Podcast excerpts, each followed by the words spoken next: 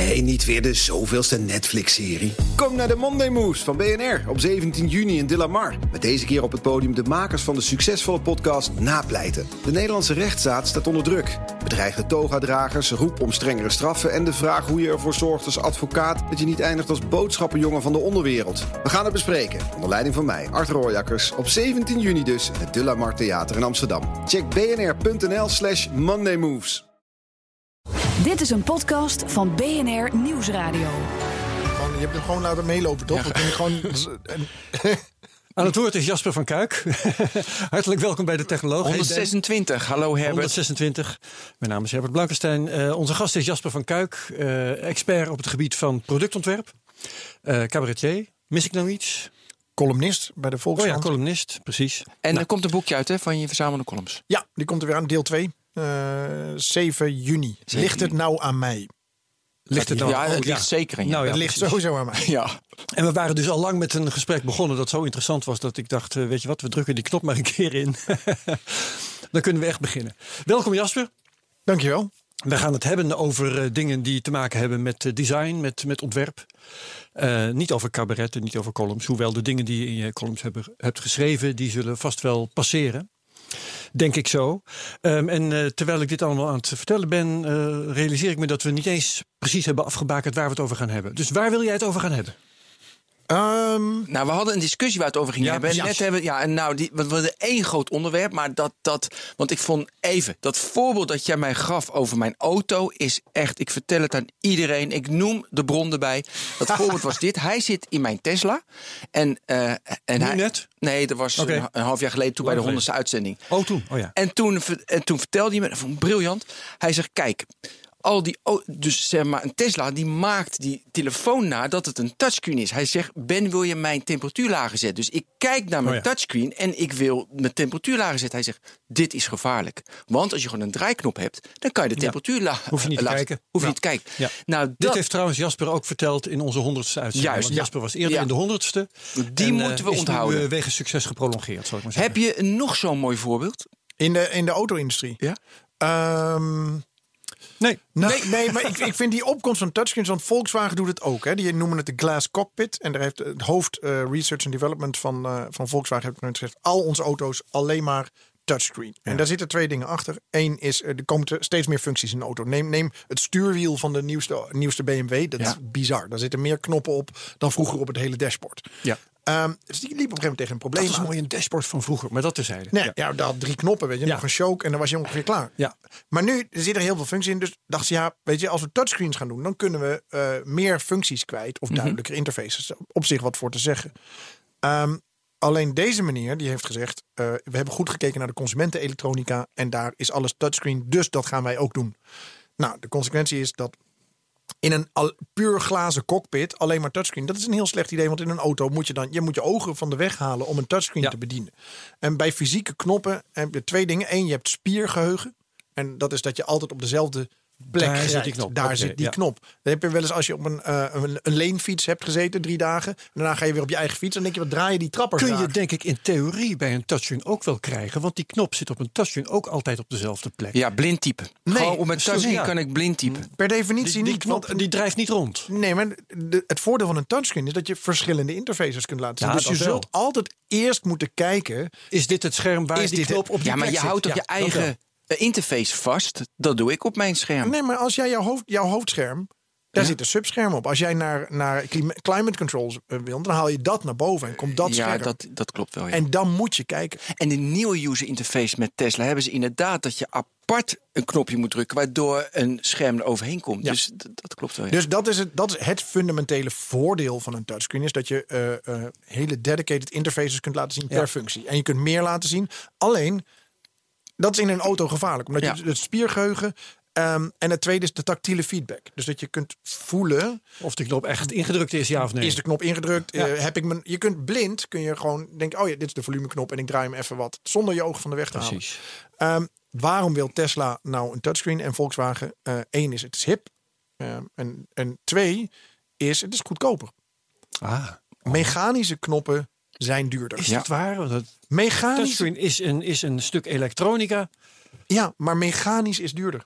Dat Ga, breekt ga daar maar af vanuit. zo'n knop. Het breekt af, het is duurder om te produceren. Ja. Ga er nou maar vanuit. Ja. Daarom wil iedereen gewoon ook in bijvoorbeeld ehm, ehm, de- de poortjes voor metro's. Zo'n zo'n magneetkaart die er doorheen wordt getrokken, is duurder uiteindelijk dan een, dan een. RFID, dan, Ja. dan zo'n OV-chipkaart. Omdat er een mechanisch en mechanisch moet Ja, je onderhouden. kan kapot. Ja. kan kapot. Dus we hebben het, het, het meest hilarische voorbeeld is van eh, de collega's van Autoweek. Die hebben de eh, Porsche Panamera Turbo gereviewd. En het is een fantastische auto om in te rijden. Full glass cockpit, want Volkswagen. En die laat op een gegeven moment zien dat je om de ventilatie te bedienen, moet je naar het submenu Climate Control. en dan, dan krijg je een, Instellingen. je krijgt een animatie van het ventilatievenster. Wat recht onder dat touchscreen zit. Dan verschijnt er op het scherm boven, het, boven de ventilatievenster. verschijnt eh, eh, een animatie daarvan. En dan kun je de richting en hoe sterk de, de vent. Je zou natuurlijk ook gewoon op dat ventilatierooster een knop kunnen doen. Het slaat Ja, ja. werkelijk waar. Helemaal nergens op. Het is van de pot gerukt. Echt waar. En het is ook gewoon gevaarlijk. Ja, en dan heb je het over een auto van 180.000 euro. Ja, maar dit heeft dus te maken met autofabrikanten ontwikkelen traditioneel gezien. eh, het begint nu een beetje te veranderen. Maar traditioneel gezien moet je je voorstellen, er wordt binnen een studio eh, van een fabrikant of een externe studio een wedstrijd gehouden van de styling van de buitenkant. Hoe gaat de buitenkant eruit zien?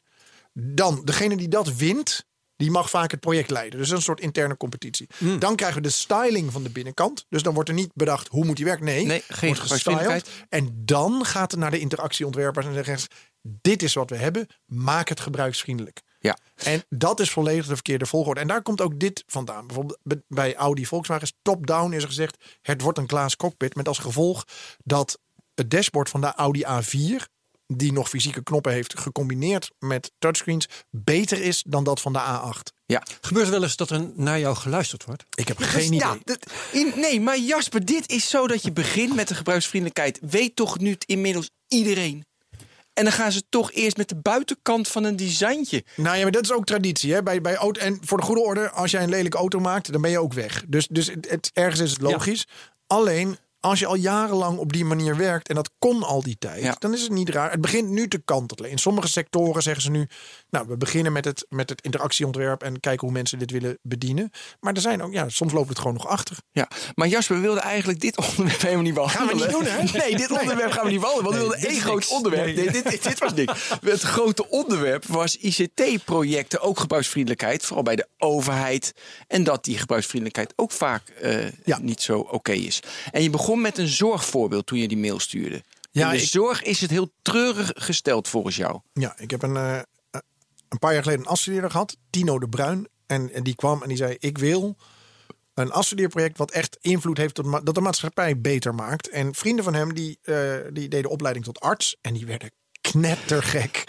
Want eh, als, arts, als arts in opleiding roleer je door ziekenhuizen. En die kwamen dus overal een ander elektronisch patiëntendossier tegen. En Een elektronisch patiëntendossier is niet het elektronisch patiëntendossier van een paar jaar terug. Dat toen gekild is door de Eerste Kamer. Dat was het landelijk EPD. Dit gaan, eigenlijk heeft elk ziekenhuis heeft een elektronisch patiëntendossier. Wat, wat die oude kartonnen mappen vervangt. En hij is gewoon ehm, mee gaan lopen. Hij zei, ik wil, ik wil een ontwerp maken voor iets waar artsen blij van worden. Waarvan ze zeggen, nou, dit ondersteunt mij. En nou ja, wat wij dan altijd doen, eh, is eerst gaan kijken hoe gaat het nu. Weet je, analyseren, veldonderzoek. Hij heeft 40, 50 uur meegelopen in eh, zorginstellingen en ziekenhuizen. Dat was echt fantastisch. De, Wacht even, dat is, een, dat is ongeveer een werkweek. In zorginstellingen en ziekenhuizen meervoud. Dat klinkt als, als heel kort tijd. Nou ja, kijk, hij heeft ze in relatief weinig tijd.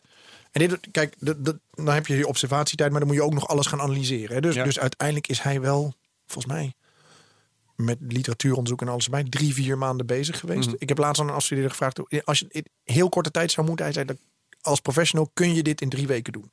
Dus stel een paar professionele gebruiksonderzoekers aan. Ja. En die kun je daar, kunnen jou in drie weken een overzicht geven van hoe zo'n systeem zou moeten werken. Ja. Maar hij dat is wel mooi. Op zijn eerst hij heeft gewoon mensen benaderd en gezegd: mag ik meekijken hoe jullie ziekenhuis ICT gebruiken? Dus toen, op een gegeven moment werd hij ook teruggebeld door een, door een gespecialiseerde kliniek die veel knieoperaties deed. Die zei: ja, morgenochtend kan wel. Oh, oké. Stond hij daar 's ochtends en met, met zo'n wel, eh, steriel pak tegen de muur gedrukt. Mee te kijken naar een operatie in de operatiekamer. Tegen de muur en kijken hoe, welke informatie wordt er dan gebruikt, wat wordt er ingevoerd, wat wordt er gevraagd aan de patiënt, et cetera. Hij is gewoon mee gaan lopen. En Niet in een heel ziekenhuis. Hij heeft drie afdelingen gepakt en gezegd, nou, hier ga ik mee beginnen. En daar kwamen dingen uit. Het was echt, was echt dramatisch. Voorbeeld. Ehm, Kom nou, maar op. Een voorbeeld is. ehm, ze vullen alle drop-downs en vinkjes niet in. Want dat is heel veel werk. En die- Bij een patiënt, als je langsloopt, krijg je zo'n enorm overzicht. Ze gaan helemaal naar, naar, naar de bodem en ook naar de, onderaan het scherm. En daar staat een vrij tekstveld. En daar wordt in een soort steno wordt opgeschreven. wat daarboven ook allemaal. Omdat dat sneller is. Ja. En dan kun je zeggen, ja, dat zouden ze niet moeten doen. Nee, sorry, dit is gewoon Dat sneller. doet een mens. Ja. Dit, dat doet een mens. Die Alleen al, een vinkje zetten is snel, maar je moet eerst, je, eh, eerst kijken waar dat vinkje eigenlijk over gaat. Wat eh, de vraag is die daar gesteld Nou, wordt. het overzicht van, die, van die formulieren. Het zijn gewoon heel slecht ontworpen formulieren. Er is geen overzicht. Dus er zijn op een gegeven moment zijn ze overgestapt. Ja, fuck it, we gaan eronder. Ehm, een ander voorbeeld was, was, dan zijn er in het ziekenhuis vaak verschillende systemen. Eentje is elektronisch pa- patiëntendossier, maar er is een, bijvoorbeeld een ander systeem voor het voorbereiden en uitvoeren van de operaties. En dan moet de data van het ene in het andere systeem met de hand. Gewoon copy-paste. Want die systemen zijn niet met elkaar verbonden. Want de ene Ja. leverancier houdt de poort dicht. En de andere zegt ja, nee, privacy en dit soort dingen. En Oh eh, ja. dat kost heel veel. En zo'n extra module eraan koppelen is, is takken duur. Dus dat doet niemand. Dus dan krijg je dit soort onzin. Ehm, een ander voorbeeld was heel mooi en heel sprekend. Hij vertelde van patiënten die dan in bed liggen. En doen de artsen doen een ronde. En die, die zitten af en toe 10 minuten tegen een zwijgende arts aan te kijken. Die rijden dan rond met zo'n eh, met een, zo'n computer op wielen. Ja, een ja, kou ja. heet dat, computer on wheels. En daar wordt van alles in, in ingetikt en opgezocht. En dan staat zo'n arts, moet je je voorstellen, dat je in bed ligt. En er staat, eindelijk is de arts er. Ja, En die zegt niks. Die kijkt alleen maar naar zijn computer. Dan denk je, wat is dit voor een con- contactgestoorde lul? ik had de, Maar weet je wat er aan de hand is? Dan wil de arts jou een medicijn voorschrijven. En eigenlijk wil je dat nog even uitzoeken. Want er zijn twee of drie opties. Dus je moet wat zoekwerk doen in databases. Eh, en, en ja, dat, dat wil je eigenlijk wil je dat later aan je bureau doen. Mag niet van het systeem. Het systeem zegt, jij moet nu ter plekke invoeren welk medicijn deze patiënt gaat kijken en in welke dosering. Dus wat doet die arts? Die, moet, ja, die negeert dan maar even de patiënt en dan gaat het opzoeken, want hij, anders kan hij, niet, kan hij zijn ronde niet afsluiten. ja, ja, ja. Nou, dus het, het, het systeem dwingt artsen en zorgverleners in een, in een manier van werken die ze helemaal niet willen. Dat was de conclusie van Tino. En, wel, het werken in de zorg is. Het is hectisch, het is voortdurend met onderbrekingen. Je moet heel flexibel zijn. En die systemen zijn rigide en niet afgestemd op de workflow van de zorgverleners. Is dat te veranderen? Nou nee, ik heb eerst welke prutsers zijn daar verantwoordelijk voor. Ah, Oké, Ja. Eh, nou dan hebben we gewoon eh, het aantal grote leveranciers. De twee grote spelers zijn Epic en Chipsoft. En Chipsoft wordt in de, eh in de ziekenhuizen ook wel Clicksoft genoemd. eh, omdat je voortdurend aan het klikken bent. Het is eigenlijk het een duopolie. Dit zijn de twee bedrijven die het kunnen bouwen. Eh, die, die, iets hebben. Ehm, daar kun je eigenlijk niet omheen. En dat, dat, ja. En als die nou heel gebruiksgericht zouden zijn, dan zou je kunnen zeggen: Nou, oké, dan, dan hebben we nog iets. Maar als je iets koopt, dan ehm, ja, een extra module kost al geld. Het systeem is heel erg afgesloten. En veel ziekenhuizen willen natuurlijk hun, ja, hun EPD koppelen aan, aan de voorkant aan de website. Dat je je eigen dossier kan inkijken. Dat soort dingen kan allemaal niet. En het is gewoon heel slecht ontworpen. Ehm, maar als jij als ziekenhuis naar je raad van toezicht toe gaat en zegt: Nou, ik wil iets nieuws laten bouwen door deze kleine softwareclub. Of we hebben hier iets gevonden wat heel goed is. Maar ze zijn wat jonger en kleiner. Dan zegt zo'n raad van toezicht zegt nee. Want dan heb je geen leveringszekerheid. Het is net als bij de grote overheidsaanbestedingen. Dat zijn altijd dezelfde vier klootzakken die de aanbestedingen winnen. En Ja. je weet dat, dat, dat het gewoon niet geleverd gaat worden. Kijk naar de Raad van de Rechtspraak. Kijk naar UWV. Het, de lijst is eindeloos. Dus uit risicobeperking moet je werken met de grote leveranciers. Terwijl je weet Dat dat shit op. dat het shit oplevert. Dat is dus geen risicobeperking. Nee. Eh goh, ja.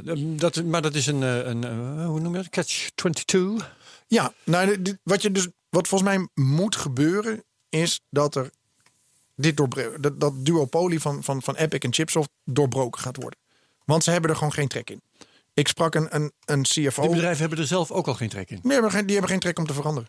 Om in te veranderen. Nee, ik, het is- ik, sprak, ik sprak een CFO van een ziekenhuis die was bezig zijn oude eh, EPD uit te faseren en ging een nieuwe. En hij, hij wilde met een van de twee grote praten en zeggen: joh, ik, jullie systeem is niet open genoeg. Ik ben een academisch ziekenhuis. Ik moet daar losse modules aan kunnen hangen. Ja, ja. Want wij doen onderzoeken en data-uitwisselingen. Dat wil je natuurlijk rechtstreeks in zo'n, in zo'n dossier stoppen. En toen zei ze, nou, dat is goed, dan koop je die module bij ons. Hij zegt, ja, maar het is niet te betalen, joh. Wat jullie doen, kan er niet gewoon een, een, een poort, een beveiligde poort op waarmee we... Nee, zegt ze, doen we niet. Hij zegt, ja, dat is toch niet meer van deze tijd. Iedereen begint steeds meer open data, open systemen... waarop dingen aangehaakt kunnen worden in ieder geval.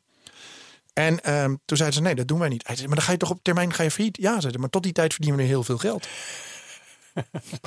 en dit is, dit is de software die in onze zorg wordt gebruikt. En Ja, mijn stelling is dus dat we, als we betere software zouden hebben, denk ik dat je minimaal 20% aan zorgverleners wint.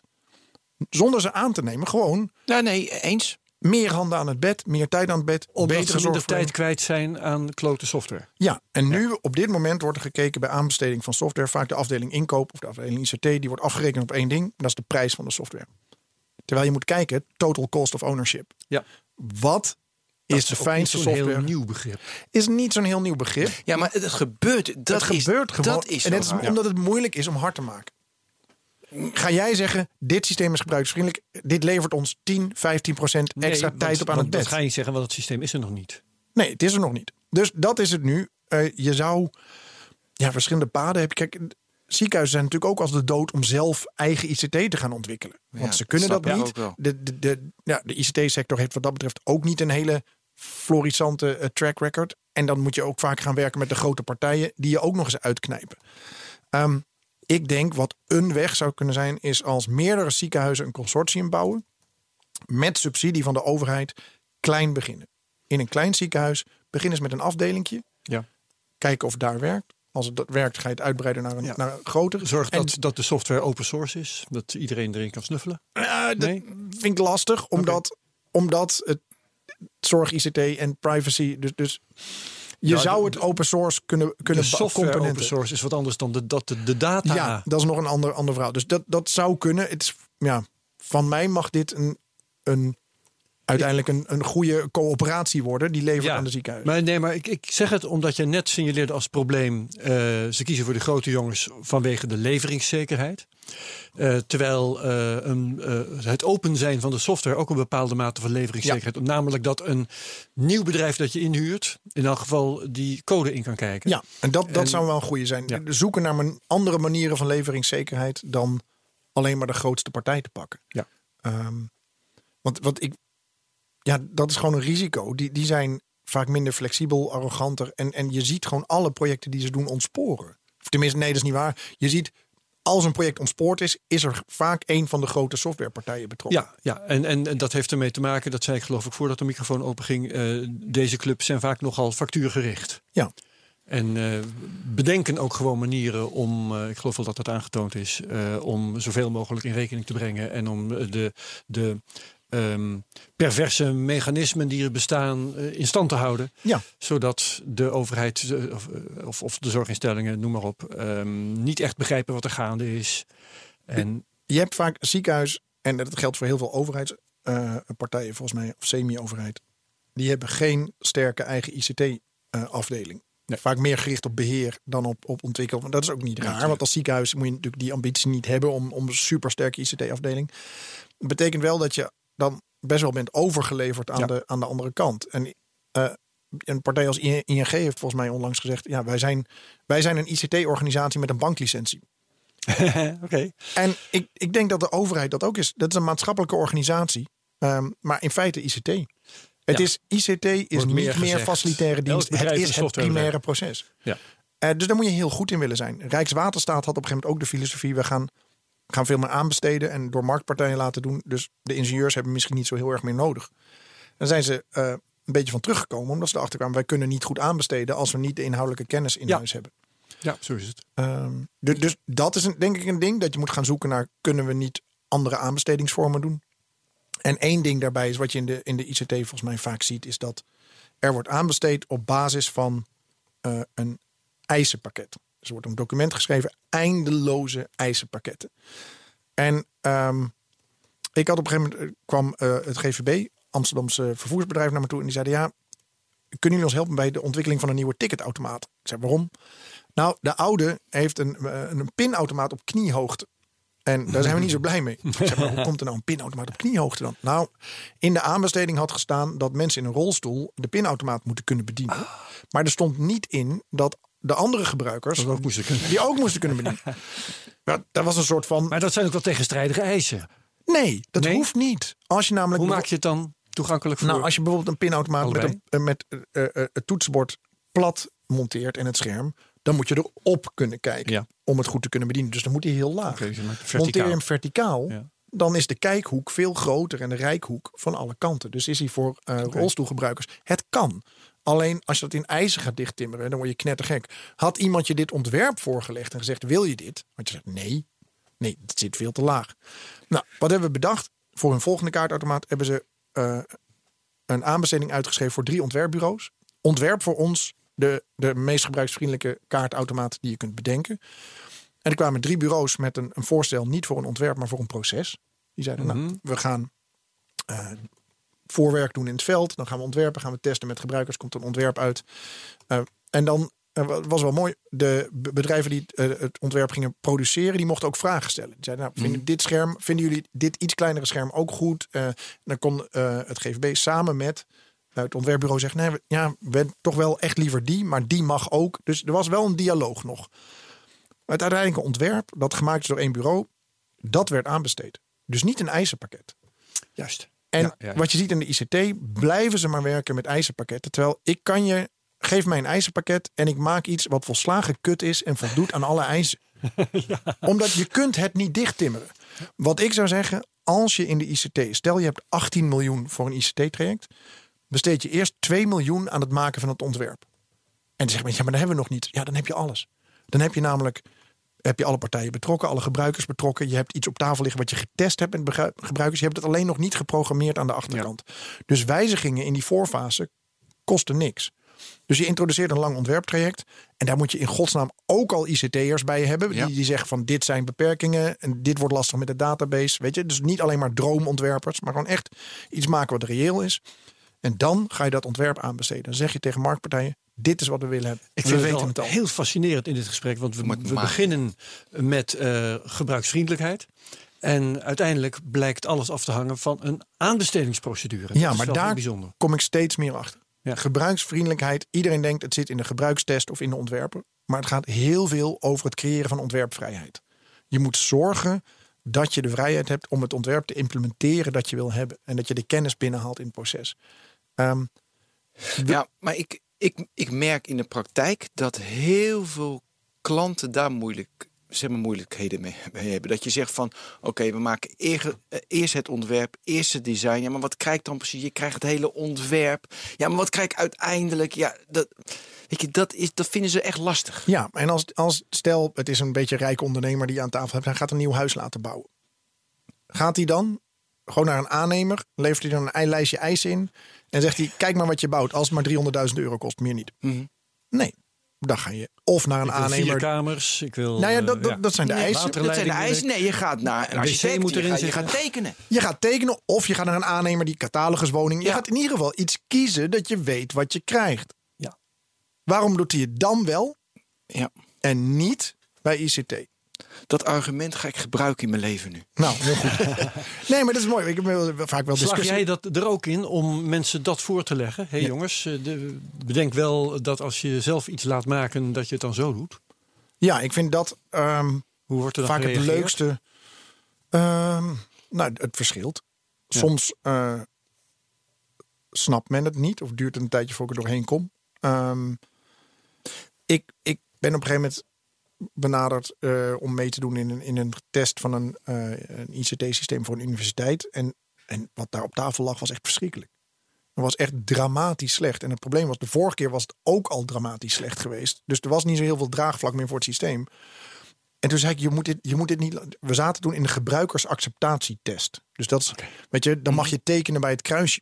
Ja. Ik vroeg ook, wanneer ga je live? Ja, over vier weken. Daar zaten kerst en oud en nieuw nog tussen. Ik zeg, wat, wat gaat er gewijzigd worden? Ja, teksten. Dat was het. En, en in dat hele speelveld Mhm. zat geen interactieontwerper of user experience designer. Of het En was, wat was er slecht aan? Kun je dat nog even schetsen?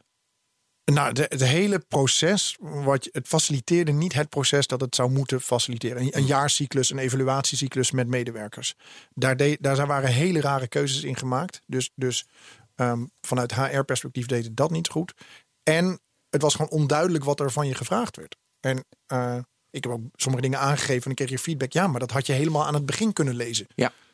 Ik zeg, ja, maar dan is, het, dan is het probleem toch nog niet opgelost. Want dat lezen mensen niet aan het begin. Ja.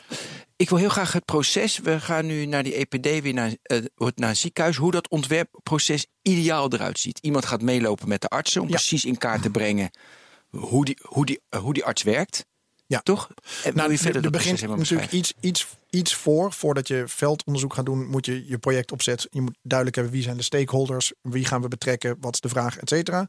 En dan op een gegeven moment gewoon het veld in. En dan ehm, ga je ook bekijken welke rollen zijn belangrijk. Wie gebruiken er dit systeem allemaal? Dus bijvoorbeeld artsen, verpleegkundigen, aan de achterkant de assistenten. Eh, wat krijgen de patiënten te zien? Dus je gaat identificeren wie zijn de belangrijke gebruikers van dit systeem.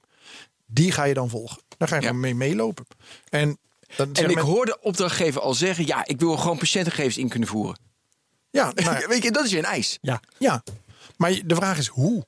Heel vaak wordt er gezegd: het, kijk, het ontwerp gaat vaak om hoe, niet alleen wat. Dus ehm, een mooi voorbeeld is de Belastingdienst. Belastingdienst schakelde over van blauwe enveloppen naar digitaal. Ja. nou, precies dezelfde informatie, maar dan digitaal. Maar alleen even vergeten dat die blauwe envelop een hele belangrijke functie heeft. Dit is namelijk je reminder. Weet je, die haal je uit de brievenbus, maak je hem niet open. Hè? blijf Dan op het dressoir. op het dressoir. Dan gaat hij naar je bureau. Gaat hij nog een keer terug naar het dressoir. Gaat nog een keer naar de piano. Dat klote ding nog openmaken. Moet dat klote Oh. ding nog open. En dan maak je hem open. Dus het is een geheugensteuntje. Hmm. Wat gebeurt er bij mijnbelastingdienst.nl? Je krijgt een mailtje. Daarin stond eh, tot voor kort niet eens wat er aan de hand was. Stond gewoon, u heeft een nieuw bericht. Je krijgt een bericht dat je een bericht hebt. Ja, Ja, daar leuk. krijg je Ja. dus, wat mensen mij vertellen, zeggen ja, die, die zet ik altijd op ongelezen. Zodat ik hem niet vergeet. Of mensen doen een flag. Maar dan zakt het toch weg. Weet je wel. Ja. En je, weet, het, is, het is wel dezelfde informatie. Het gaat heel erg over wat. Maar de vraag is altijd ook hoe en waarom. Waarom eh, moeten we een blauwe envelop eromheen hebben? Omdat mensen een geheugensteuntje nodig hebben. Bij iets bela- omdat mensen eh, onwenselijke informatie zo lang mogelijk negeren. Ja. En daar gaat het hier om. Door mee te lopen met mensen in het veld kom je erachter niet alleen wat ze moeten invoeren of doen, maar ook hoe ze dat willen doen. Dat Ja, voorbeeld ja. van vrije tekstveld. Ja. Wat, wat Tino bijvoorbeeld heeft gedaan. Hij zag ze een soort steno hanteren. Dus hij heeft een soort, soort steno ingevoerd. Um, en dan kun je uh, bijvoorbeeld slash A en dan krijg je anamnese.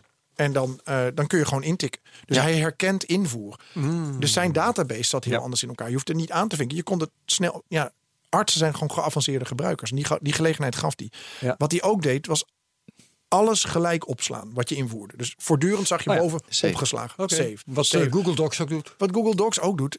Dus dat betekent dat je ter plekke, je kunt als er een oproep is, dan kun je gelijk weglopen en je hoeft niet te denken, oh, ik ben al mijn data kwijt. Weet je, Ja. dat zijn hele logische keuzes, maar dat, daar kom je Ja. pas zijn achter. Ook zo ontzettend veel varianten. Ik bedoel, doe je het staand of doe je het zittend? Het, eh, de, de hardware gaat het dan over. Er Ja. is zo verschrikkelijk veel om, om te kiezen. Nou ja, ik, mijn, mijn zoontje heeft een tijdje geleden, mijn jongste zoontje, in het ziekenhuis gelegen. En dat is een fantastisch nieuw ziekenhuis. En hele fijne mensen. Maar dan in elke kamer hing zo'n zo'n scherm. Zo'n hele ingebouwd in de muur. In plaats van die computer on wheels. Maar de inlogtijd was zo lang en de opstarttijd dat ze er maar mee gestopt zijn. Want ja, weet je, ze negeren het gewoon. Ze rondrijden met zo'n karretje was uiteindelijk snel. Dus dan in, het he- in al die kamers hangt zo'n scherm. Maar, is vergeten. 2000 euro. Ja, nou Zoiets. wel meer denk Ja. ik. En, en dat is aangesloten namelijk op een back-end. En Ja. eh, het zijn best wel geavanceerde apparaten. Het moet allemaal wel, eh, klinisch infectievrij zijn, die toetsenborden. Dat zijn dure dingen. Oké, veldonderzoeken, dan ga je terug en dan ga je schetsen. Nee. Ga maar. Ik, Nee, dan, Ja, ga, dan je. Wat, wat Tino heeft gedaan is in kaart brengen. eh, want laten we zijn case nemen. Is oké, welke informatie wordt er verwerkt door wie? Eh, in wat voor omgevingen? Precies wat jij zegt. Wanneer doen ze het staand? Wanneer doen ze het zittend? Eh, welke use cases en task flows zijn er? Wat doen mensen? Wanneer voeren ze wat in? In wat voor omgeving? En toen is hij eens gaan kijken. Oké, wat zouden dan eh, de hoofddatabases moeten zijn? Wat is de hoofdarchitectuur van het systeem? En welke schermen heb je zo'n beetje nodig? Oké, je hebt een overzichtsscherm nodig. Je hebt een overzicht per patiënt nodig, et cetera. Toen is hij heel basic en toen is hij pas gaan schetsen. Dus toen had hij eigenlijk al een soort systeemarchitectuur liggen... die gebaseerd was op gebruikseisen. En toen is gewoon op papier met marker en, en potloodjes. En, en dat is hij voor gaan leggen aan mensen. Oh nee, is dat nog een stap voor? Daarvoor is hij gewoon... ehm, Ja, dat waren de wireframes, ging hij voorleggen. Ja, ja, wireframes. Maar daarvoor ging hij nog voorleggen... wat nou als het systeem ruwweg zo werkt. Met een scherm hier en een flow zo. Had hij niet eens een scherm. Meer een soort algemene manier van werken. Zou dit, Ja. En daar kreeg hij alweer feedback op. Heeft hij getest. Toen is hij wireframes gaan voorleggen. Maar dan in paper prototypes. Dus niet in een digitaal prototype. Wat tegenwoordig heel makkelijk kan. Het fijne is van prototypes op papier. Dan denk je in je proefpersonen denk ook... oh, maar dit is nog niet af. Hier wil ik wel over lullen. Zodra het op een scherm staat... dan denk je, ja... Oh, en het nodigt ook... Kijk, het fijne van zo'n papieren prototype... is dat je als ontwerper ook iets moet zeggen. Je moet een beetje dingen uitleggen. Dus dat brengt de dialoog gelijk al op gang. Er zit ook een hoop onduidelijkheid in. Want je moet zeggen, nou, dan opent er dan dit en dan opent er dat. Maar met zo'n digitaal prototype, dan Gaan mensen al denken dat het definitief is? ja. Dus dan ga je niet meer de discussie aan. Nou, dat heeft hij gebouwd. Toen is hij een eerste digitale prototype gaan maken. En uiteindelijk heeft hij een soort werkende demo gemaakt. En daar is hij met, langs heel veel artsen geweest. En gezegd, nou, dit is wat ik in gedachten heb. En een mooi voorbeeld wat daarin zat, eh, was dus dat je, dat voorbeeld uit het veldonderzoek, dat je eh, als je iets nog later wil opzoeken, kon je het gewoon negeren. En kwam je aan je bureau, dan zei hij, ik heb nog zeven to-do's voor je staan die je nog uit moet zoeken. Dus terwijl je bij de patiënt bent, volle aandacht voor de patiënt. Ja. Moeilijke dingen kun je later even rustig opzoeken, zodat je ook geen fouten maakt. Dat was heel belangrijk. Het sloeg altijd alles op. Je kon zo'n steno hanteren. Ehm, en, oh, dat vond ik ook een hele mooie, foto's van de patiënten. Niet Hey. alleen een naam, maar waardoor iemand aan je bed gewoon weet, ah, meneer Van den Burg, hallo. Ja, ja, Eh, ja, ja, ja. Wat, wat al fijn is, weet je. En maar ook wel fouten voorkomt. Ja, tuurlijk. Ja. ja. Weet Heet, je- het, heet het meneer. Ja, ik had het, ik had het laatst. Mijn jongste zoontje die was te vroeg geboren en toen stonden we in het ziekenhuis. En, eh, en, eh, ja, ja, hij heeft toch wel wat vlekjes op de longen. En, eh, dat- oh nee, dat is een ander kind. Weet je, dat- nou ja, dan gaat je vertrouwen gaat wel even, krijgt een beetje een deusje. Zo'n foto, Ja. bij- foto bij baby's heeft misschien niet dezelfde functie als Nee, bij maar als de ouders er dan bij is. Maar- Maar goed, gewoon alleen Ja. al de keuze. En natuurlijk moet je erover gaan hebben met, met privacy. Of, of patiënten daarvoor toestemming geven. Ik denk als je dat goed uitlegt. Dat dat, ik zou dat prima vinden. Ja. Want ze hebben mijn foto toch al op mijn pasje in het ziekenhuissysteem. Nou, hij legde het voor. Mensen vonden het echt fantastisch. Ze zeiden, ja, ik, dit, dit werkt met mij mee. In plaats van dat het mij tegenwerkt. En hij heeft dit gedaan, dit project, bij een, eh, bij een, een klein softwarebedrijf dat EPD's maakt voor, eh, voor eh, polyklinische behandelingen. Dus dat is veel kleiner. Een Medicore heten ze. En die hebben er wel dingen uitgehaald, maar die, die hebben niet. Ja, het was nogal een radicaal herontwerp. Ja, ik wou net zeggen, wat is het lot geweest van dit eh, prachtige Het lot is dat, dat de artsen die procedure? hebben meegewerkt nog steeds aan hem vragen wanneer komt het op de markt. Ja, Ja, maar dat moet je dus, en dan komen we bij het dan moet hij dus aanbestedingsproces. uitleggen dat het nooit gaat gebeuren. Mm, nou, ik, nooit. Ik, kijk, dit- ja. Of je moet een venture capitalist zoeken die zeggen: we gaan dit gewoon, eh, we gaan dit doen. Ja, want het Ja, is best ja, wel ja. apart, hè? Want je kan, wat je natuurlijk in Amerika veel, nou sowieso, weet je, iemand zegt van, er zit zoveel geld in de markt, 98 miljard in de Of een gezondheidskosten. ICT'er die met doodsverachting het gewoon zelf gaat ontwikkelen. En, Ja, maar dan kom je dus ook. Kijk, Tino's ontwerp is al een heel eind, maar dat is natuurlijk niet het enige. En ontwikkelen. Maar je moet die, door die aanbestedingen heen. En zolang je daar Ja. geen, geen traject voor hebt en de middelen niet voor hebt. Eh, du- dus of je doet Ja. iets wat ik denk is een Ja. coöperatie van ziekenhuizen die zeggen wij zijn het beu. We gaan het zelf laten. Maar dan moet je dus echt een heel goede ICT-ontwikkelaar en een heel goed ontwerpbureau er ook bij hebben. Ja. Dan vind ik dat de overheid wel iets van subsidie zou mogen geven om te zeggen, nou, dit zou de markt wel eens open kunnen breken. Ja, Geef hem een klein zetje. Of een venture capitalist. Alleen Ja. die zegt, luister, Epic en Chipsoft doen het zo slecht. Als je dit goed doet, Ja. dan gaan ze het uit je handen trekken. maar jongens, jij zegt 20 procent, nou, je jokt, het is 10 procent, maar dan is het nog altijd 10 miljard. Ja? Dat je in kan Nederland alleen. hè? Ja, in Nederland, ja, Ja? weet ik, het is Maar 98 ik- miljard. Ik, ik, bedoel, ik, ik ga nu even op mijn venture capitalist stoel zitten waar ik nul ervaring mee heb. Maar ik denk dan wereldwijd. Ja, Maar maar, er is- dan er is nog wel die iets markt. anders. Kijk, oh, Er is nog wel iets anders. Want eh, jij vertelt ons dit nou gloedvol. En we denken, ja, Jasper heeft gelijk. En eh, weet je wel. Hij die- heeft ook gelijk. En die artsen die, eh, die, waar Timo langs is geweest, die vinden het allemaal prachtig. Dat, dat geloof ik ook wel. Maar ik denk ook een beetje aan een tandarts die in de mond kijkt waar een andere tandarts bezig is geweest. Zegt, hoe hebben ze dat in godsnaam zo kunnen doen? Weet je wel? Dus ik stel me voor dat als hier een andere Jasper komt zitten, die een andere Timo aan het werk heeft gezet in een ander ziekenhuis, dat er toch iets anders uit zou zijn gekomen. Dat klopt, maar dat is, dat is ook inherent aan ontwerpen. Mhm. Want ik denk dat, dat, dat hij snel dat hij dezelfde observaties als Tino, dezelfde problemen, dat je, dat je daar echt flinke overlap in ziet. Ja. maar dat dan de invulling. Mij gaat het meer om het proces. Ik vind die 18 miljoen vind ik heel duidelijk. Weet je, normaal is het 8 miljoen eisen. En nu is het van nee, 2 miljoen moet je besteden aan ontwerpfase. Ja, want bij die, bij die GVB-ticketautomaat, dat was al tof. Daar is uiteindelijk een andere partij dan de traditie. En die heeft ook. het goedkoper aangenomen. Ja. Waarom? Want die partij maakte parkeerautomaten. Die zeiden, wij doen geen ticketautomaten. Maar er ligt zo'n duidelijk ontwerp. Daar zit weinig onzekerheid in. Het is heel Je duidelijk. kunt je ook outsourcen naar. India, want het ontwerp is zo helder en duidelijk. Mm. Daar bakken het in elkaar. Oh, die, in, die mensen uit India luisteren. Nee, mensen, dat niet. Alleen ik denk dat in de implementatiefase het heel belangrijk is. eh, Scrum, Agile teams bij elkaar hebben en hele goede software bakken. En nog steeds de dialoog met het ontwerpteam op gang houden. Dat dat heel erg lastig is met outsourcing. Ja. Maar je, je opent ineens de markt veel meer. En ook voor een leverancier die normaal altijd moet, maar moet. Want het is voor, voor leveranciers soms ook irritant. Hè, dat je als klant ook nog niet duidelijk hebt. Wat wil je, dat je, wat wil je nou? Ja, we willen dit en dit. Ik geef het je ook te doen om met die medisch specialisten te gaan zitten. Die willen allemaal iets anders. De- de- Voor Ja. hun moet het specifiek zoals zijn. Nou ja, weet je, die moeten wat dat betreft dan ook een beetje water bij de wijn doen. Je moet bereid zijn om zeg maar 10, 15 procent anders te gaan werken. Om dan als Ja. geheel ziekenhuis een hele fijne, een heel fijn EPD te krijgen. Maar ik denk dat dat zo'n venture capitalist heel snel zal zeggen: ja, er zijn al EPD's. En die doen functioneel gezien. En dat je zegt, joh, maar wij zijn gaan gebruiksvriendelijker zijn. Ik weet niet of je er doorkomt met die pitch. Of mensen snappen dat, dat op dit niveau de winst zo groot kan zijn. Maar dat is het aparte, want de venture capitalist die in de digitale wereld zit, weet ook dat, dat, dat producten winnen alleen maar op user experience. Ja. Dus d- daar weet je van, maar het is meer volgens mij, die markt van de gezondheidszorg is heel lastig. Dat is niet helemaal waar. Kijk naar Zoom, wat nu net Ja. naar de beurs is Ja. gegaan.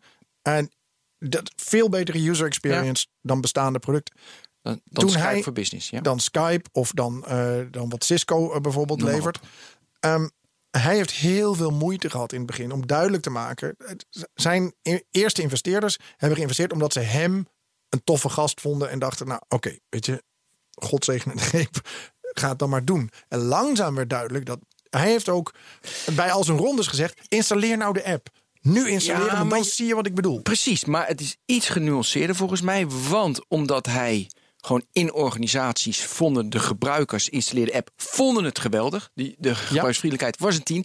Die gingen het gebruiken. Die zeiden tegen collega's en anderen dat moet je ook gebruiken. Dus zeg maar vanaf de grond op werd Ja. opgebouwd. En toen gingen ze naar de ICT-manager. We willen Zoom gebruiken. Ja, maar dat kan niet. Wat is dat dan? Eh, moeilijk, moeilijk, Ja. moeilijk. En uiteindelijk, ja, iedereen wil het gebruiken. Dat is voor artsen veel moeilijker. Dat is veel lastiger. En het is, je snapt ook, als je geen arts bent, snap je misschien minder wat je voor je hebt. Nou, omdat je namelijk niet in een ziekenhuis, en dat is het grote nadeel, niet zoals Zoom kan je dat even installeren Nee. op je eigen computer. Want dat kan nog. Ja. Maar bij artsen, ja, weet je, EPD's, patiënten, mensen, dat, dat, dat mijn- mijn punt is, zelfs bij Zoom was dit argument dus al moeilijk te maken. Bij een, bij een business-to-business, losstaand business-to-business Ja. product, wat, wat gebruikers relatief makkelijk kunnen installeren, daar hadden investeerders al moeite om dit te snappen. Dat je, dat je puur op user experience zoveel beter kan zijn dan de rest, dat je ze weg gaat blazen. Ja, oké. In elk geval is de oproep nu gedaan. Hè? Eh, we hebben bij de technoloog 10% steenrijke eh, venture capitalists eh, onder de luisteraars. dus de telefoon gaat morgen rinkelen. Ik denk dat Ja. ik wel heel ernstig ben. Maar, Ja, maar- ik- maar wat je nu bij, bij ziekenhuis ICT, dit geldt voor heel veel sectoren. En, en dat is eigenlijk echt schandalig dat, dat we mensen op hun werk laten werken met inferieure systemen die gewoon tot stand komen op basis van eisenlijstjes en die niet zijn afgestemd op hoe mensen Ja. willen werken. Het is wel overal, hè? Ja, overal. Ja, maar dat vind ik zo mooi, dat Slack, Zoom, dat zijn dus, die komen vanuit een consumer, een hele andere gedachtegang. En die gaan nu de wereld heersen. In die oude B2B-systemen denk je, jongen, jongen, wat een troep. Ja. Dus dat, dat, dat, ver- je ziet nu wel die verandering. dat vind ik leuk bij, bij vaak kleine softwareclubs. Die, die doen dit met Slack, Slack en daar halen ze Trello vandaan. Die stellen hun eigen Ja. zo- zo'n workflow. Ja, Dropboxje, Eh, maakt ook niet uit. dit, alles bij elkaar. Ja, grote corporate organisaties is dat wel natuurlijk ietsje lastiger om dat te doen. Ook vanwege de veiligheidseisen en in een ziekenhuisomgeving al helemaal. Ja. Maar ja, misschien zijn er wel mogelijkheden dat je het meer samenstelt. Ja, maar neem ik bijvoorbeeld even Salesforce. Weet je, dat vind ik ook niet erg gebruiksvriendelijk. Denk ik ook van, pff, en dat is toch ook, vind ik, een nieuwe... Zo is het wel begonnen toch, hè? Als die eh, ene oplossing die nou eindelijk echt gebruiksvriendelijk was. Maar ook niet meer. En ik vind exact, vind ik ook, pff, Vind ik ook een gedoe. Ja, we hebben exact hier in de uitzending gehad, heb ik het ook verteld. Dat het gewoon, eh, ja, de gebruiksvriendelijkheid is slecht. B2B software. En die weten in theorie, we moeten ontwerpers erbij zetten. Gebruiksvriendelijkheid moet omhoog.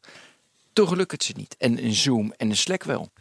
Maar is dat bij, bij grote softwarepakketten, wat ik het moeilijke vind, is dat je vaak heb je een manier van werken eh, in je bedrijf die, die gevestigd is.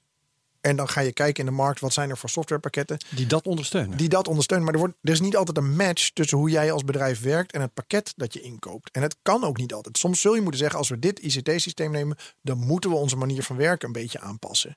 Ehm, of je moet het helemaal custom gaan bouwen voor jouw bedrijf. Ja, en Dat dan betaal je ik. de hoofdprijs. Maar- dus dus ik, ik zie vaak ook in aanbestedingen dat, dat zo'n afdeling ICT niet goed voor ogen heeft. Hoe werken wij eigenlijk? En welk pakket past Ja. daar goed bij? Misschien is Salesforce wel helemaal niet het beste pakket voor de manier waarop jullie werken. Ja, maar het is natuurlijk raar dat er pakketten zijn die niet gebruiksvriendelijk zijn. Dat vind ik al, daar begint het mee. En Salesforce en Exact. Ja, maar mijn punt is dat, dat gebruiksvriendelijkheid is niet alleen maar de interface. Dus, de- dus daar ben ik mee eens. Als je een scherm voor je hebt, moet dat gewoon duidelijker zijn. Betere labels op de knoppen, eh, een goede mouse-overs en een fijne flow. Maar gebruiksvriendelijkheid is ook in hoeverre iets past bij Past jouw binnen manier, je- ja. binnen jouw manier van werken. Maar dat, dat is, dan is het toch een algemeen probleem van alles wat voor een hele grote markt eh, bestemd is. eh, Windows, noem maar wat. eh, met dat dat voor zoveel mensen moet passen dat het dus voor niemand past. Ja, maar dat, dat, is, dat blijft volgens mij. Confectiekleding. Ja, en dus wat je ook ziet is dat mensen bij elk nieuw ICT-systeem al beginnen te zuchten en kreunen. Moeten wij ons weer aanpassen? Ik denk Ja. dat, dat, je, dat je het systeem zover mogelijk moet aanpassen, maar dat de laatste 10, 15 procent, dat je ook moet denken, ja oké, dan, dan doe ik een andere manier van werken. Dan wisselen we die twee stappen om en dan, ja, dan klopt die flow. Ehm, Ja, plus de gebruiker mag niet lui worden, vind ik. Weet je, ik, ga- ik pas vaak mijn manier van werken aan om even mezelf weer fit en fris te houden. Dat ik denk van, gat, moet ik ineens, eh, weet je, remember the milk gaan gebruiken. Dan komt er een, co- een collega, Ben, nu hebben we weer een nieuwe resource, te- die weer gaan gebruiken. Doe ik het, weet je, twee weken denk ik prima. Dus de gebruiker wordt ook snel lui. Ja, ik werk altijd al zo. Ik gooi alles in mijn Dropbox. Ik vind het allemaal prima. ja, mensen haten verandering. Ja, Ja, en als je dat weet, moet je dus een verdomd goed product maken. Ik hoor dat heel vaak als argument. Ja. Ah, mensen zeiken toch, want mensen haten verandering. Mhm. Dat klopt. Maar als je dat dan weet, dan kun, moet je daar toch op inspelen. Ja, dan moet je zo- zorgen dat je, dat, dat je vanaf moment één zorgt dat jouw nieuwe product een duidelijk voordeel heeft. Dat je mensen verleidt. De pinautomaat. Was, wat, heel, we Ja. gingen in, ineens aan mensen vragen, niet meer aan het loket staan, maar ga maar naar buiten. Grote verandering. Zeker toen, weet je. Mensen wilden dat. Ja, heerlijk. Om- omdat het sneller ging. En had je nog een, een heel klein groepje die liever naar het loket ging. Nou, prima. Maar dat, dan heb je mensen verleid. Ehm, en dat is bij de pinautomaat. Kijk naar de OV-chipkaart. Die heeft een heel groot gedeelte van de mensen gedwongen. Ja, en dan krijg je weerstand. En dat is ook het heet het Technology Acceptance Model. Mensen willen twee dingen. Ruwweg, er zijn heel veel andere factoren die ook mee, maar twee hele belangrijke zaken zijn. Een duidelijk voordeel. Waarom moet ik hiermee gaan werken? Nou, omdat het dit, dit en dit doet. En het moet makkelijk zijn. Dus bied mensen een duidelijk voordeel in hun werk. En zorg dat, dat het op een makkelijke manier toegankelijk is met een heldere interface, een goede training of een aanpassing van je software op, jou, op jouw devices, et cetera. Over die pinautomaten trouwens. er zijn wat dat betreft ook nog wel eh, unintended consequences. Eh, in het dorp waar ik woon. Daar, eh, ik weet niet of, eh, of daar ooit loketten zijn geweest. Ik denk het haast wel. Ehm, maar goed, toen ik daar kwam wonen, toen hadden we twee pinautomaten. Maar door het fenomeen plofkraken hebben we nu in ons dorp nul pinautomaten. Oh, echt? Ja. Dat is gewoon eh, gepasseerd station. We moeten nu gewoon naar een naburig dorp om te pinnen. Ja, maar dat mensen überhaupt pinnen is al echt. Nou, dat, dat is een ander punt dat ik rondom eh, het, het- al, al- allerlei geldzaken. Ehm, ik moet even kijken of ik terug kan. eh, of hoe, hoe, hoe, ver, hoe ver ik terug moet. Want ik herinner me de tijd dat de Giro betaalkaart werd geïntroduceerd. En toen werd ons verteld hoe handig het was om geen geld op zak te hebben. Want er waren nu Giro. Het heeft dus iets te maken met wat de bank te verkopen heeft. Hè? Eh, toen dan eenmaal de pinautomaat verkocht moest worden, toen werd ons verteld hoe handig het was om wel geld op zak te hebben. Toen was opeens het, precies het tegenovergestelde argument was geldig om mensen die pinautomaat aan te smeren die de bank wilde neerzetten om geen mensen meer achter loketten te hebben eh, zitten. Ja, nou, Zo werkt het soms ook. Het het is leuk- het is- voor de bank. en dat is dan het voorrecht van, van bij industrieel ontwerpen zo'n faculteit rond te mogen lopen. Ik heb ook een, een, net een afstudeerder gehad op de toekomst van contant geld. Ja. En die heeft naar dit soort dingen ook gekeken. En je, en je ziet dat gewoon de Nederlandse bank, daar hij is afgestudeerd bij de Nederlandse bank. Die zeiden, joh, de toekomst van contant geld is best wel kritisch. De, de, de nieuwe euro- generatie eurobiljetten Ja, wordt, nu hebben we wordt. Nu heeft het weer handig om geen contant geld te. Dat is weer het vervolg van mijn verhaal Ja, maar, trouwens. maar Ja. wat je ziet is dat bijvoorbeeld in Denemarken en Zweden hebben ze, zijn ze helemaal digitaal gegaan qua geld. Daar is het gebruik van contant Zweden. volledig gecrashed. Ehm, maar dan hou je dus groepen mensen die heel erg afhankelijk zijn van cashgeld. Ja. Gewoon door het beroep dat ze uitoefenen. Of bijvoorbeeld omdat ze laag geletterd zijn. Of technologie niet Ja. zo heel goed begrijpen. Dit is een soort van, ja, hoe gaan we die mensen nou... Want, want ondernemers trekken zich daar terug. Hè? Die denken, ik doe alleen nog maar digitaal. Want, want dat, de cash... Alleen maar chippen. Alleen maar chippen of Swish hebben ze zo betalen Ja. via je mo- mobiel. Ehm, dus de Nederlandse bank, wat, wat, eh, wat die afstudeerder.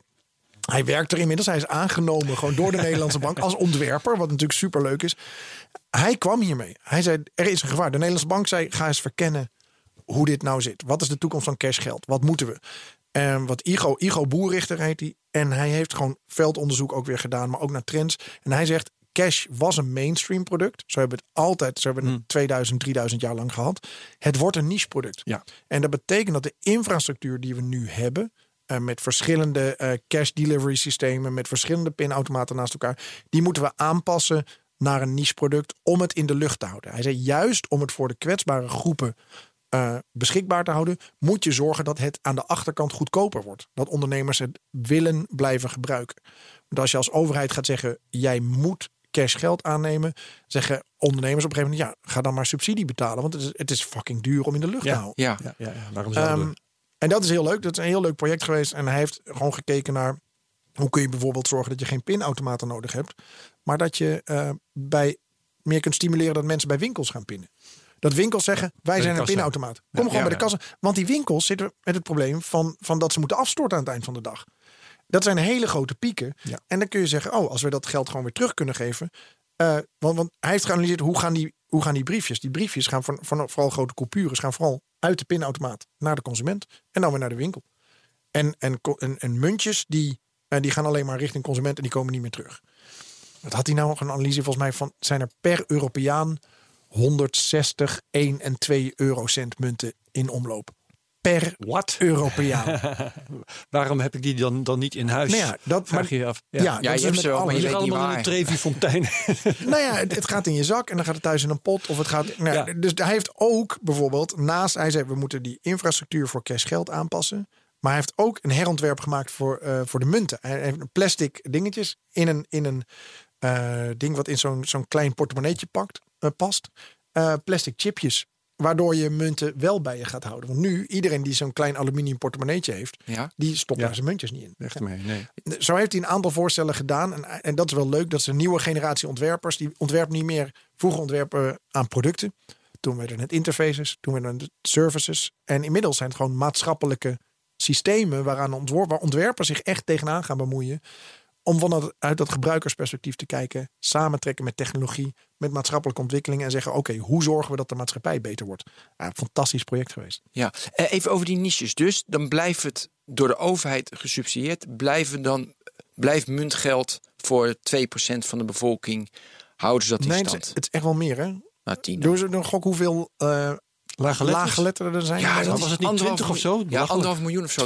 2,5 miljoen. Ja, in de, in de. Kamerbrief Digitale Inclusie van de staatssecretaris Knops stond eh, overheids-ICT-diensten. 2,5 miljoen mensen die daar moeite mee hebben. Dan wel vanwege laaggeletterdheid. Dan wel eh, omdat ze niet bekend zijn Want je met, moet dan altijd wel, Ja. op, als ik dat soort cijfers hoor, dan ga ik meteen op zoek naar wat dan ook weer de definitie is die ze hebben gebruikt. Want die is soms ook wel eh, heel, ehm, eh, hoe moet ik dat zeggen, Eh, niet erg selectief. Nee, alleen is het bij, bij ICT-systemen of bij, bij dit soort diensten vaak een, een klein beetje laaggeletterd zijn. Kan al een grote beperking Groot zijn. opleveren. Ja, want, Ja. want als je ook kijkt naar de brieven die je soms krijgt. Die, je, eh, daar- daar heb ik gewoon moeite mee. soms dat die zijn gemaakt door iemand die laaggeletterd is. Nou ja, of heel graag woorden gebruikt. Ja, van zeven lettergeven. Ja. Ja. De- Dus ik denk dat het is niet zo'n kleine groep. Eh, het is alleen niet de meest zichtbare groep. Zeker voor de mensen die dit soort, dit soort beleid maken. Die zijn vaak hoog opgeleid, vaardig met technologie Ja. en goed met taal. Maar eh, onderzoek zoals jij nou net geschetst hebt, gaat dat ook inderdaad toe leiden dat cash een rol blijft spelen? Ehm, dat zou je aan de Nederlandse bank moeten vragen. vragen, ja. Feit is wel dat wat hij. Kijk, zijn stelling is: ehm, cash gaat. We hebben twee opties. Of cash gaat crashen. Dus het, het wordt zo duur dat het gewoon stopt. Dat wat je in Denemarken en Zweden ziet. Of ehm, we kunnen een zachte landing veroorzaken. Dat het over bijvoorbeeld 15 jaar, 20 jaar uitsterft. Of misschien is er wel een soort onderniveau waarop cash altijd relevant kan blijven. Maar hoe dan ook, moet je naar een niche toe. Ja. Eh, en hij heeft wel het denken binnen de bank eh, beïnvloed met zijn, met zijn Ja, onderzoek. ja, Er wordt nu echt gekeken. Ja, ook bijvoorbeeld noodscenario's. Eh, stel, we hebben hier een overstroming à la Fukushima. En de pinautomaten of, een, of een grote hack, hè? Eh, een grote cyberaanval. Ja. Wat doe je dan? En, en zijn conclusie, is, we denken dat, nou, dan heb ik nog cash. Dat is niet waar. Er is gewoon niet genoeg cash in omloop om dat Ah. te ondersteunen. Dus als het echt lange termijn is, dan moet je eigenlijk als overheid een soort, soort Noodvoorraad. nou ja, bijvoorbeeld mobiele pin of tegen zeggen: eh, laat je paspoort zien en je krijgt 200 euro cash eh, Ja. als voorschot om te zorgen dat, dat er een soort eh, handel mogelijk blijft of noodvoorraad. Iets anders. Wat doen dan Denemarken en Zweden met hun lage letterden? Of hebben ze die niet? Eh, Dat durf ik niet te zeggen. Nou, misschien buddies. Dat je gewoon altijd, weet je, wel, dus mijn vader is laaggeletterd, is dement. Nou ja, ik geef hem af en toe wat cash, want dan zegt hij, ik, ik heb een groot probleem, ik heb geen geld meer. En dan denkt hij dat hij moet gaan werken, maar dat kan hij niet. Dus dan geef ik hem wat cash. En eh, ik doe alle digitale dingen voor hem. Dus hij heeft een buddy. Ja. En Ja. volgens mij, als iedereen een buddy heeft, Ja, maar ik, ik, denk, ik denk dat Heb je 2,5 miljoen buddies nodig? je vader is werd, denk ik in dit geval wel een redelijk eh, eh, uitzonderlijke gebruiker. De vraag is of, of het dat lukt om, om hem eh, zelfstandig volledig nog te laten leven en, en cash op te laten nemen. nee, dat kan hij niet. Dus daarmee heeft hij een buddy. Kan hij dan helemaal met de cash omgaan trouwens? Dat is, en dan Nou, ik geef hem heel weinig als hij iets verlie- verliest of, eh, Ja. of geeft of weggeeft. Ja. Nee, maar ik denk, ik denk dat dat heel goed is. Bijvoorbeeld, eh, er zijn nu buurthuizen waar mensen worden geholpen met hun digitale belastingaangifte. gezien, dat zijn ja. hele goede dingen Ja. die gedaan worden. Mensen helpen. Wat denk ik heel belangrijk is, dat de systemen die we hebben zo gebruiksvriendelijk mogelijk zijn. Dat je mensen ondersteuning biedt die het dan nog niet lukt. Mhm. Ehm, en ook dat de Belastingdienst, die wilde eerst zeggen, we gaan alles digitaal doen. Die hebben op een gegeven moment gezegd, nee, kennelijk is er toch een groep mensen die het heel graag op papier wil blijven doen. Ehm, en die, die, weet je, die groep gaat kleiner worden. Met de tijd gaat die groep steeds kleiner worden. Dus gewoon een groep ouderen die nu, nu niet meer de aansluiting gaan maken. Die niet meer op een iPad hun belastingaangifte gaan doen. Hoewel ze die groep aan de andere kant ook weer eh, groeit. Hè? Aan, eh, ben die schetst eh, een, eh, een eh, de- demente bejaarde. De- daar krijg je natuurlijk weer meer van. Ja. Ja. Dus op een andere manier neemt dat weer toe.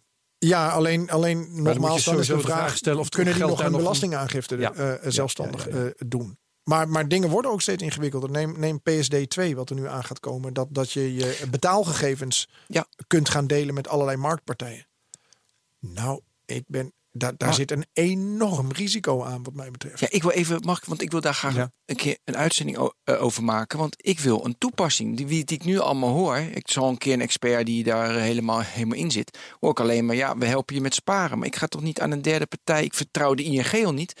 Een andere partij mijn betaalgegevens toevertrouwen. Dat, ik kan me dat niet voorstellen. Dus ik weet niet hoe ver jij daarin zit. Nou, ik zit er niet, niet zo heel erg ver in, maar in de zin dat ik wel weet. Je gaat, je gaat, als je een dienst gaat afnemen, wat bijvoorbeeld kan, is dat jij bij één partij al je bankrekeningen het overzicht bij elkaar Ja, gaat brengen. Dat is een van de services die ze nu zeggen, dat wil je. Alleen dan ga je dus gebruiksvoorwaarden moeten lezen. Weet je, daar, daar Ja. moet, ik ben benieuwd hoe. En die worden op een gegeven moment geüpdate. Weet je wel, je Ja. wil inloggen bij je bank. En dan.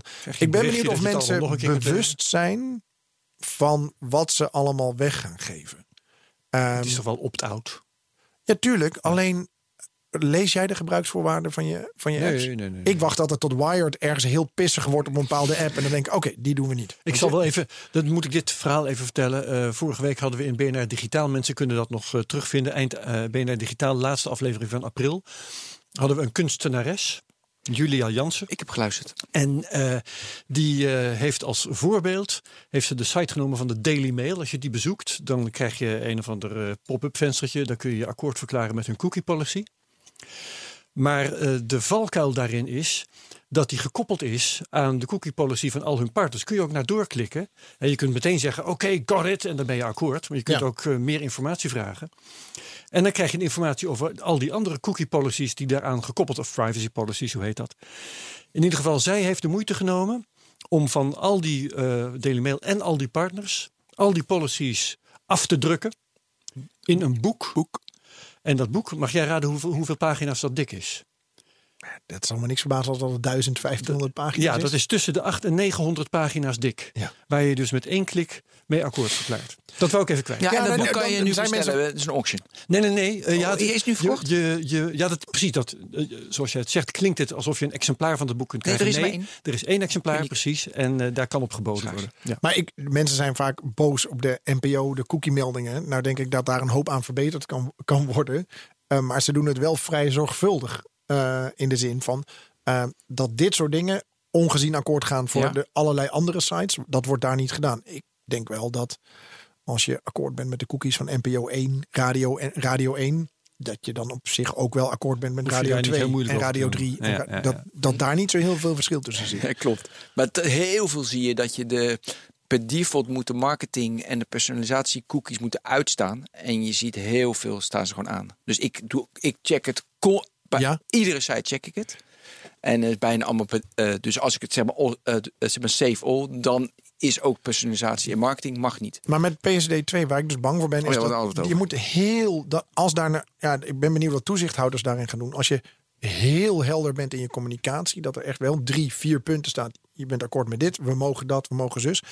Ik weet niet, kun je, kun je herinneren dat op een gegeven moment mensen heel boos waren op ING toen die zeiden we willen Ja, betaldata. dat- oh, dat Ja, maar dat is PSD 2 joh. Weet ik. Daarom Dat is- vraag dat ik welke PSD2. goede services zijn er. Ik, ik zie het ook i- nog niet. Nee. Nee, En, maar het is vanuit de overheid, want ze willen innovatie in de fintech willen ze stimuleren. Het is allemaal goede bedoelingen. En nu zie je al die fintechs die komen op van wij gaan voor jou een spaarpotje maken. En dan gaat iedereen ook weer een spaarpotje maken. Maar dan Nou, moet je ja, toch kijk- ING maar eens uitnodigen of zo? Ja, we moeten echt een snel. eh, Maar ja, we zitten heel druk. Oké. Weet je wat, wat ik mooi had geweest is als, als het overstappen van bank, als dat nou makkelijker was geweest en, en met IBAN eh, bijvoorbeeld dat daar het bank, de banknaam in staat. Ik, ik weet niet wel, welke gore lobbyclub dat erin heeft gekregen. maar dat, is, dat, ja, maar dat voorkomt dus nummerportabiliteit. Ja, Als daar, als daar nou gewoon je nummer, eh, niet je banknummer, maar gewoon een algemeen nummer was geweest. Wat je mee had kunnen nemen. Dan had je dat hele PSD2 veel minder nodig gehad. Ehm, ja, ik zie inderdaad de killer app voor PSD2 minder. Als, als IBAN er was, ik denk dat concurrentie, dat je kunt zeggen, oh, ik kan, ik kan makkelijk met al mijn rekeningen naar, naar, van ING naar ABN. Of ik kan zo overstappen. Het is zo geregeld. Ja. Ja, dan hoef je niet een laag erop te gaan leggen die dingen uit allerlei potjes aan. En wat ik wil, is digitale eh resuutjes bij de supermarkt. Waarom moet dat op papier? Waarom kan er gewoon niet gewoon zonder dat zij met een fikken Mhm. aan de data gaan zitten, dat het gewoon hup in mijn boekhoudprogramma wordt geladen.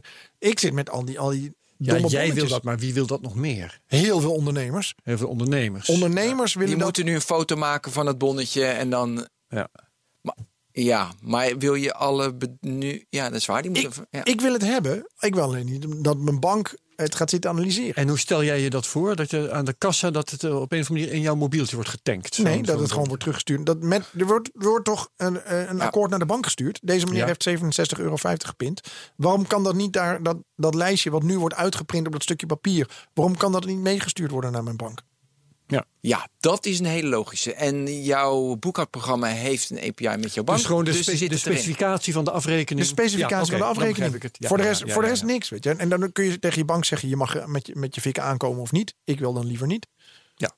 Ja. Dat is. Oké. Oh, ja. Hoe, eh, hoe komen wij tot een afronding? Want we, we hebben begonnen over, eh, over eh, eh, gebruiksvriendelijkheid in de zorg, in de ICT. Nee, we begonnen met de auto's. We begonnen met de auto's, maar dat vonden we onzin. En toen zijn we eigenlijk maar. onderwerp was ICT in de zorg. En daar de gebruiksvriendelijkheid van. En we zijn terechtgekomen bij eh, eh, PSD2. de gebruiksvriendelijkheid van het gebruik van geld. Maar ik denk wat, daar, wat er allemaal onder zit, is een andere manier van werken.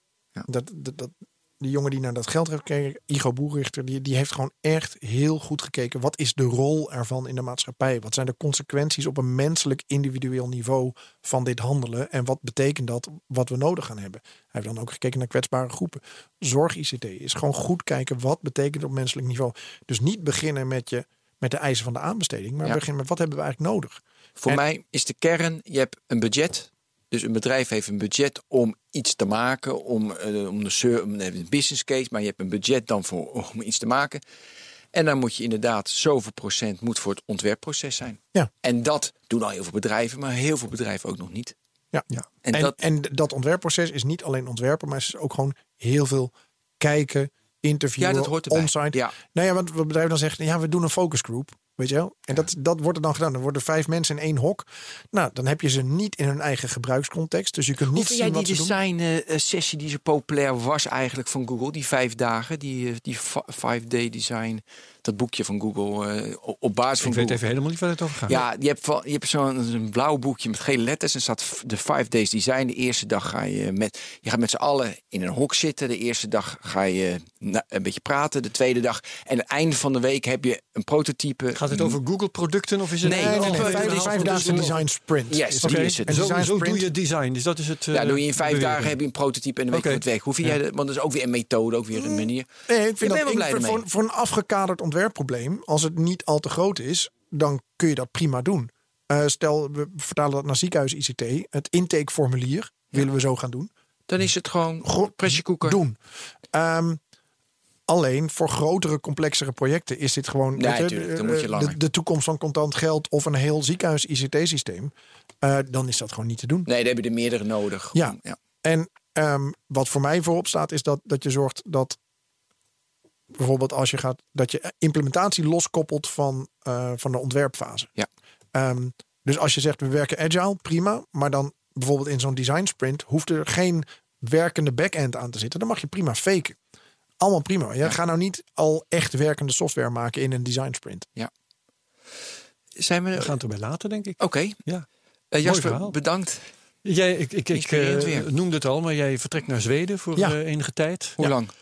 Eh, voor een jaar, Waarom? eind juli. Ehm, Gaan we het daarover hebben? nou, Ja, nee, maar ik wist dit niet. Nee? Oh. Hij vertelt mij niks, die Jasper, hè? ik vertel jou niks, joh. Ik hou alles achter. Er staat in alle kranten, man. Ja. Lees je de roddelbladen niet? Nee. Jasper van Kuik gaat naar Zweden. Nee, maar wat ga je er doen? Eh, Waar? ik ga komend jaar ga ik geen nieuwe voorstelling maken. Ik heb, ik heb acht jaar lang heb ik, heb ik steeds een nieuwe voorstelling eh, gemaakt, elke twee jaar. En op een gegeven moment dacht ik, ja, weet je, misschien is het even, even pas op de plaats en, en dan daarna weer een nieuwe. En dat maakt ook mogelijk dat ik met mijn gezin eh, een jaar op het Zweedse platteland eh, ga wonen. Een heel klein, ja, het is niet eens een plaatsje eigenlijk. Is maar ook niet aan de universiteit werken? Nou, ik, eh, ja, ik ga een boek schrijven over gebruiksgericht zijn. Eigenlijk niet eens ontwerpen, maar wat, wat gebruiksgerichte houding. Twee dagen per week ga ik daaraan werken. En vlakbij waar we zitten is een universiteit met een van de grootste onderzoeksgroepen op het gebied van services. Wereldwijd. Blijkt daar te zijn, want hadden eerst de woonplaats gekozen. En toen dacht ik, oh, zou er eigenlijk ook een universiteit in de buurt zijn? dat ik dat boek kan, dat ik niet de hele dag in onze oude boerderij zit uit. Dan word ik ook gek. Goed op de veranda. Ja. Dus nu, nu ga ik daar zitten. Zij, zij waren super enthousiast. En zijn, het is een soort, ja, dus ik ga niet niks doen. Ik ga eh, een boek schrijven. Blijf mijn column schrijven voor de Volkskrant. Ben aan het kijken of ik, of ik ergens een column kan schrijven over hoe het is om met je hele gezin zo'n jaar ja. naar het buitenland te gaan. Eh, En dan Zweden vinden mensen volgens mij ook vaak fascinerend. Tenminste, ik krijg heel veel mensen die zeggen: Oh, dit is een superleuk land. Maar je weet, ja, het is, het is, dat Zweden is al, al 20 keer heilig en al 25 keer doodverklaard. Weet je, dit is, oh, dit is een ramp daar. En andere mensen weer: nee, het Zweedse model. Ja, ik ga het gewoon beleven. Dus dat ga ik daar doen. Eh, en gewoon rustig, lekker schrijven aan de nieuwe voorstelling. En dan na een jaar kan ik die echt fijn gaan try-outen. Gaaf zeg. Goed. Oké. Nou, dan eh, moeten we het een jaar zonder je doen. Nou. Bij de technoloog ook. Ja. Ja, Ehm, hoewel. Maar goed. we kunnen kijken hè, of we een Zoom-sessie op kunnen zetten. Ja, zoiets. eh, Skype. eh, eh, Nee, nee, nee, nee, Skype, Zoom. nee, Skype Zoom. niet meer. Zoom. Eh, Zoom. Ja, dat zoeken we Eh, wel bedankt uit. voor deze van Burg bedankt, 126 Maar vooral Jasper van Kuik bedankt. En eh, we Ja, zien Jasper, wel top. wanneer we jou weer een keer hier eh, in de technoloog naar binnen trekken. Heel graag. Tot ziens. Tot ziens. Dag allemaal.